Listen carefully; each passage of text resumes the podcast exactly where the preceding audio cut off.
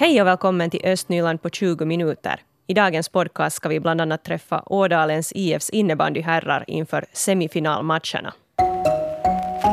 Aj, aj, fötterna går här i studion. Uptown Funk här med Mark Ronson och Bruno Mars när klockan är 22 minuter i åtta. Imorgon och på måndag och eventuellt också på onsdag så spelar innebandyföreningen Ådalens IF från Sibbo semifinalserie i herrarnas division 1. Och vår reporter Hedvig Sandell var på plats i Sibbo för att höra mer om lagets förberedelser inför matcherna.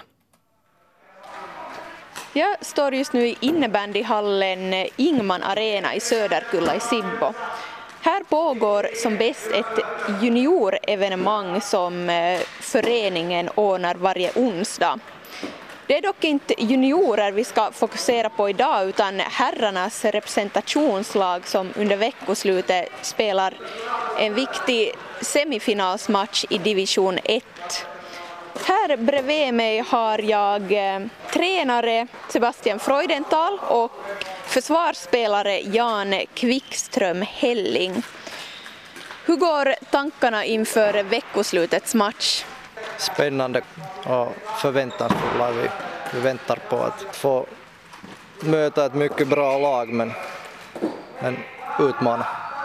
Ja, det är klart att så som eh, tabellen i grundserien såg ut så är vi definitivt um, utmanande laget men att samtidigt så visar också grundserien att vi klarar av att vinna vilket lag som helst så att det är spännande tider. Och nu spelar ni alltså en eh, matchserie där ni möter laget Rangers från eh, Kyrkslätt i tre matcher. Vad kan ni förvänta er i de här matcherna? Det, jag tror att det kommer att bli ganska hektiska matcher, heta matcher. Det tenderar att bli, mot slutet av säsongen så tenderar det att bli hårda närkamper och jag tror inte det blir så hemskt många mål som i grundserien utan båda försöker nog försöka garanterat hålla, hålla tätt hemåt så mycket som möjligt. Ge bort så lite bollar som möjligt och, och försöka kontra så bra som möjligt tror jag. Båda lagen kommer att försöka. Vad annat är speciellt viktigt att ni fokuserar på under lördagens match och resten av den här matchserien? Jag tror att den som håller bättre känslorna i styr så kanske står närmare en vinst. Det är nog det som kommer att avgöra de här matcherna, det laget som lyckas hålla is, is i huvudet och koncentrera sig på spelet och inte på allt annat som, som finns runt omkring och, och inte låta motståndarna provocera och naturligtvis inte tillåtas att bli provocerad. Hur ser förberedelserna inför den här matchserien ut då överlag? Det ändrar nog inte så hemskt mycket om vi tänker på grundserien. Vi tränar, tränar lika mycket. Naturligtvis intensiteten på träningarna. Nu är det viktigt att, att alla är liksom friska och, och taggade att spela. Och sen naturligtvis så koncentrerar vi oss lite mera på hur motståndarna spelar och försöker hitta då medicin till, till att eh, då avväpna dem eller då i viss mån överrumpla dem i vissa situationer. Och du Jan Kvickström Helling eh, har dragit på dig en hjärnskakning här ganska nyligen. Hur stor är sannolikheten att du kan spela på lördag? Det får man se sen. Jag vet inte idag. Det känns bra men man vet inte, man måste ta det försiktigt. Och det konstaterar här OIF-spelaren Jan Kvickström Helling när Hedvig Sandell träffade laget där i onsdags. Eh, hon pratade också med tränaren Sebastian Freudenthal.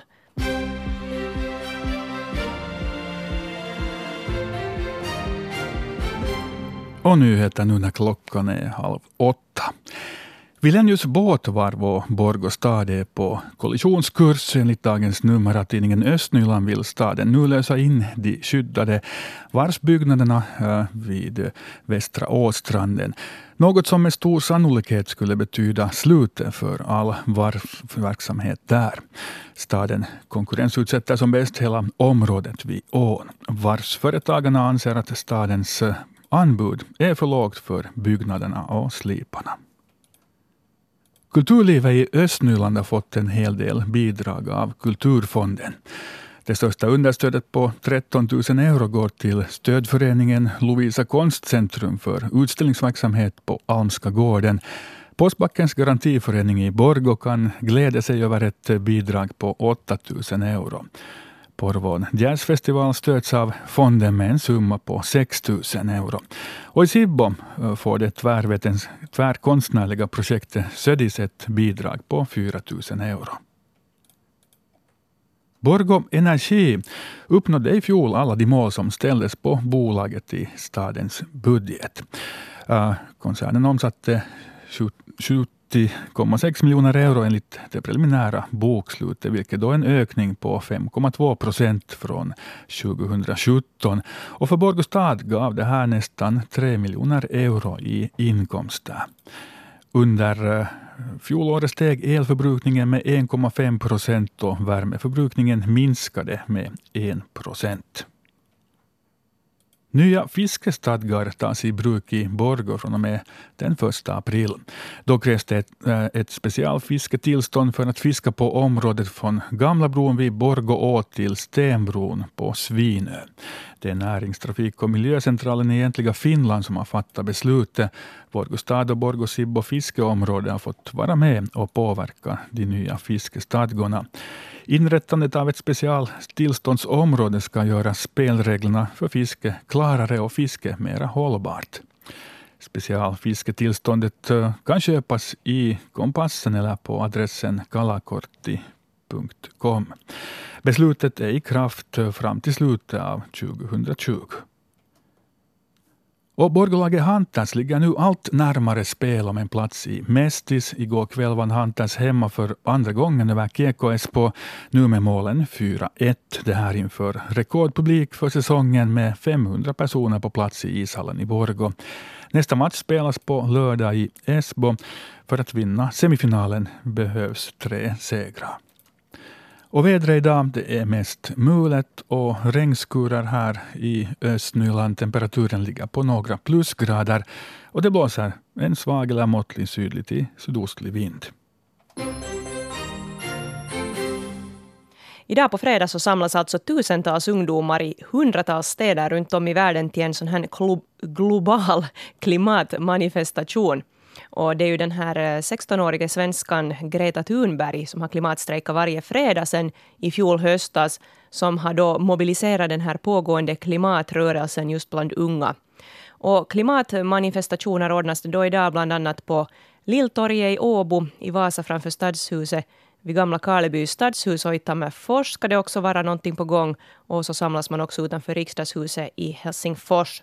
Och några större kampanjer så har de studerande i gymnasierna i Lovisa, Borgå och Sibbo ändå inte planerade kom fram här igår då vår reporter Mikael Kokkola ringde runt lite. Och det att studentprov skrivs nu samma dag kan vara en bidragande orsak. Och en annan orsak kan vara att information om själva strejken inte då verkar ha nått ut så där värst bra. Micke talar här med Benjamin Salminen som är studerandekårens ordförande i Sibbo gymnasium och han berättade att han inte själv visste någonting om strejken innan rektorn kom och frågade honom på torsdagen om han, han eller någon planerar att vara med. Och här i Borgå gymnasium så där var det ju så att gymnasisterna själva ställde till med en klimatstrejk i januari. Men nu har det varit lite lugnare här på klimatfronten, berättar här Sofia Held i vår webbtext på svenska.yle.fi östnyland. Hon är studerandekårens ordförande där i Boggi och hon vet faktiskt inte om några studerande är på väg och själv hade hon inte hört om någonting sånt. Och det som nu kommer fram här i den här texten är det att i de flesta skolorna så ger deltagande i klimatstrejken på skoltiden frånvaroanmälan. Och så är det också i Borgå gymnasium. Vi har här talat med rektor Monica Johansson som säger att från skolans sida kan vi inte bevilja frånvaro för att eleverna deltar i en strejk eftersom det då är närvaroplikt i skolan. Men hon säger också att det är jätteviktigt att de studerande är engagerade i samhällsfrågor och samtidigt vill skolan förstås stödja deras insatser för klimatet. Så det är ju lite knepig situation kanske. Mikael Kokkola han pratade också med Anders Nordström som är rektor i Lovisa gymnasium och han sa så här. No, alltså det, det är ju någonting som vi då inte, inte kan eh, godkänna som orsak till frånvaro i sig. Alltså det är ju det är jättebra att de är aktiva och engagerar sig.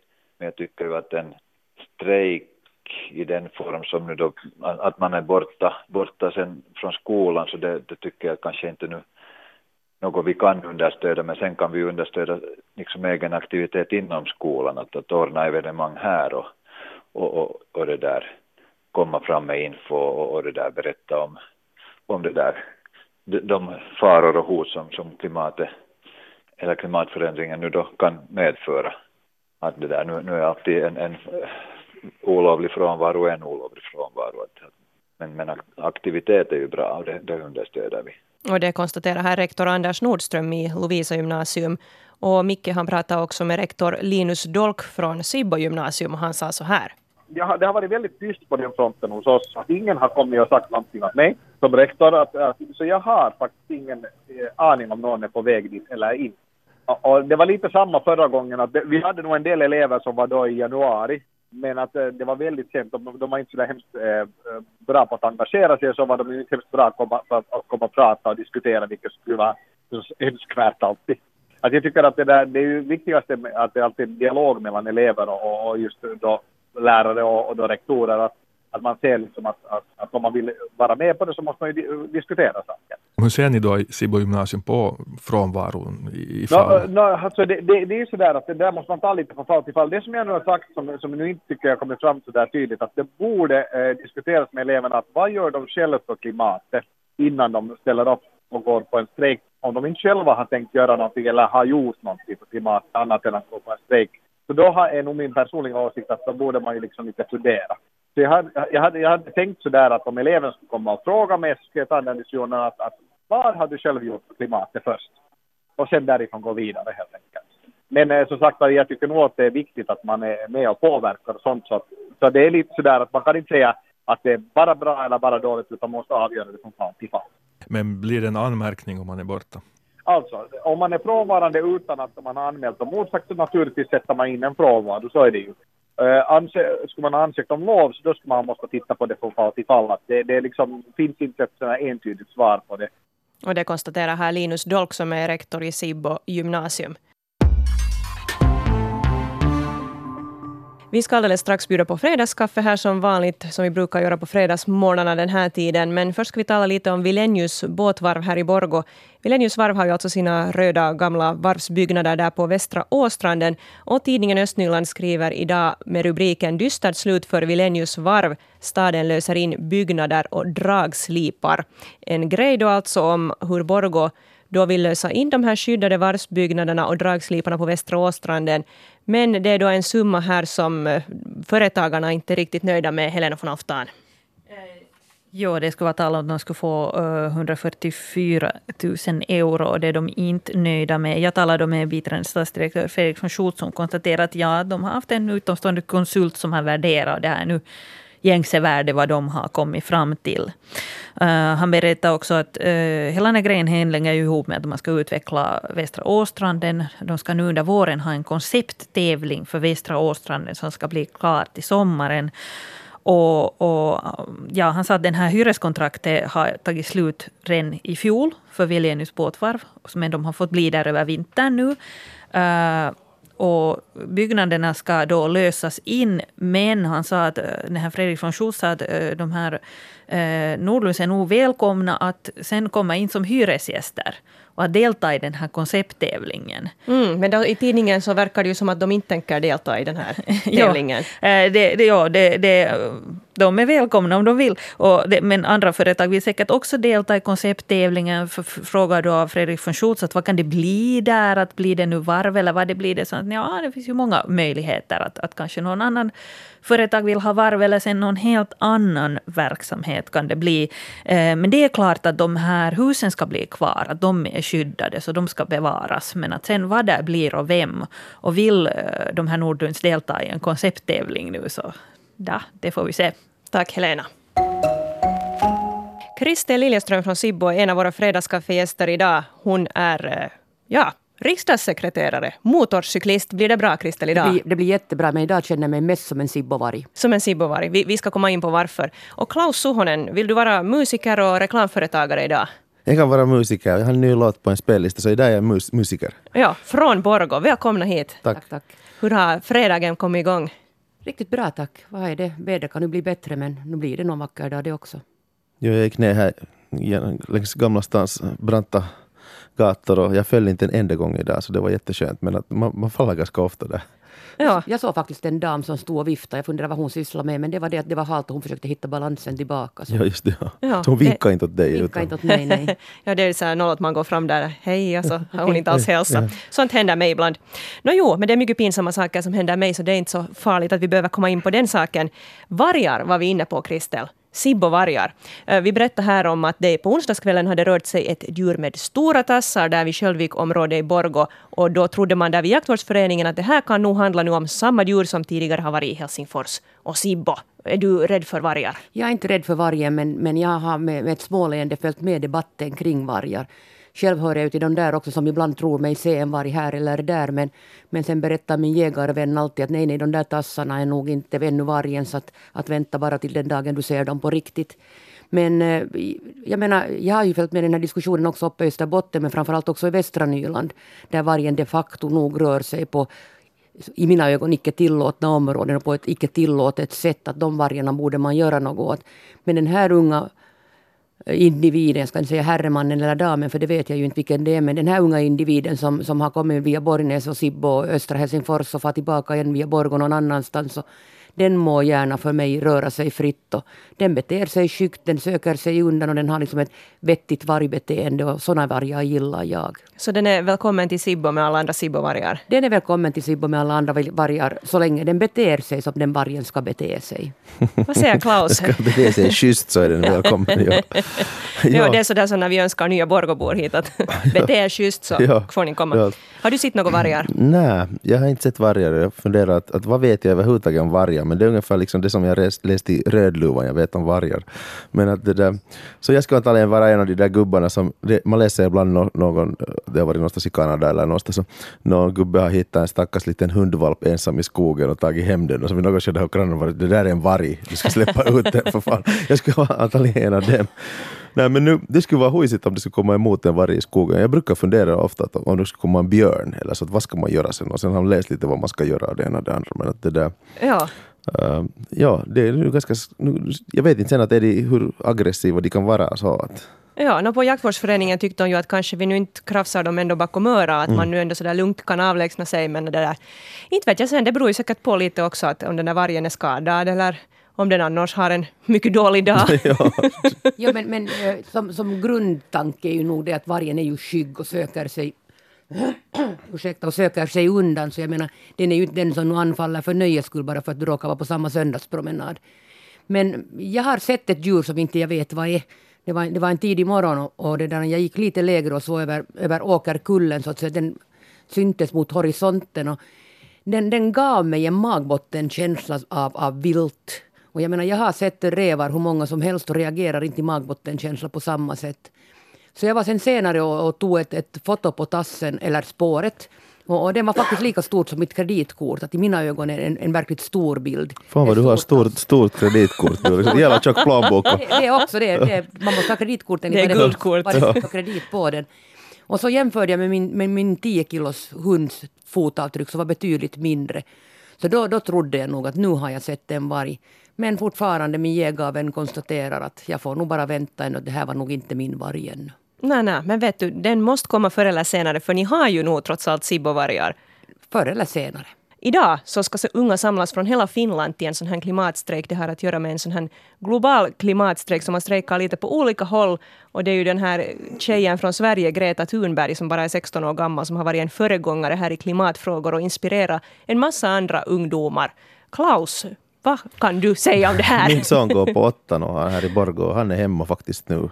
Och det där. Och han får nog läsa läxor hemma så att det blir ingen speldag nu bara. Men, att, men att jag tycker det är fantastiskt. Alltså jag, jag hade inte hört om det här förrän igår faktiskt. Och det där. Jag tycker det är otroligt att det Ja, så det här liksom, det påverkar förstås alla unga är ju inte ska vi säga alla, det kan bli också en modegrej och det är roligt men det krävs också att man, man måste få en rörelse igång tycker jag. Och, och, i, och sen när hon är i den där åldern, man är 16 år och man är sådär smart och sådär så det är jättesvårt att säga någonting kritiskt emot. Liksom. Att det, det, jag tycker det är otroligt powerfult det här. Så det, är spännande och jag tycker absolut jag har tummarna upp för det. Nu ska din son till riksdagshuset då idag. Jag tror inte att han ska dit. Han har inte möjlighet att komma dit. Så att vi hoppas att det samlas tillräckligt med, med ungdomar och barn.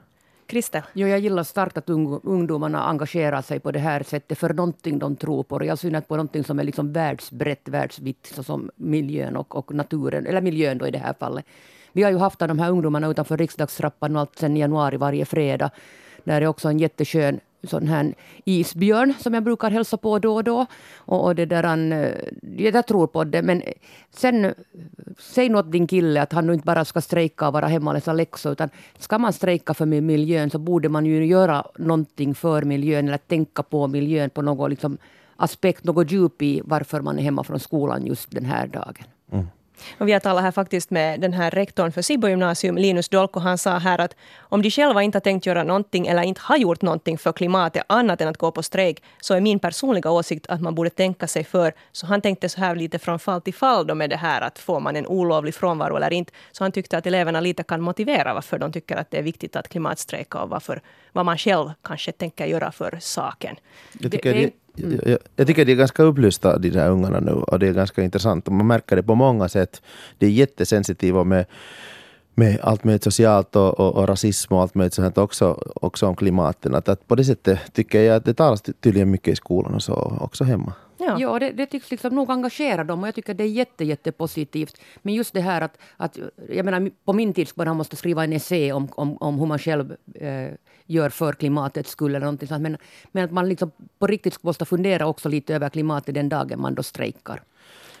Men det är ju inte en, det är inte en hemuppgift det här, utan det är på riktigt så att man ska påverka uh, beslutsfattarna. Så ja. man måste tänka på att vad, vad, hur mycket bullerbom man får i medien och det är nog liksom, tycker jag, viktigaste grejen här. Ja, men, men också de som då blir hemma från skolan kan ju skriva ett brev då eller en e-post till, till fullmäktige ordförande eller något annat och säga att de tycker att den här stadens klimatpolitik är jättebra för när ni har så mycket förnyelsebar energi i er i er, er värmeuppläggning eller, eller whatsoever. Men att liksom på något sätt att göra någonting också med klimatet.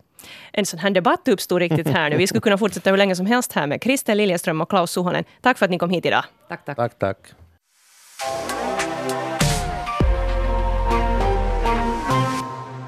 Östnyland på 20 minuter är en svenska YLE-podcast. Det finns flera poddar på arenan. Tack så mycket för sällskapet. Jag heter Katarina Lind. Ha ett skönt veckoslut.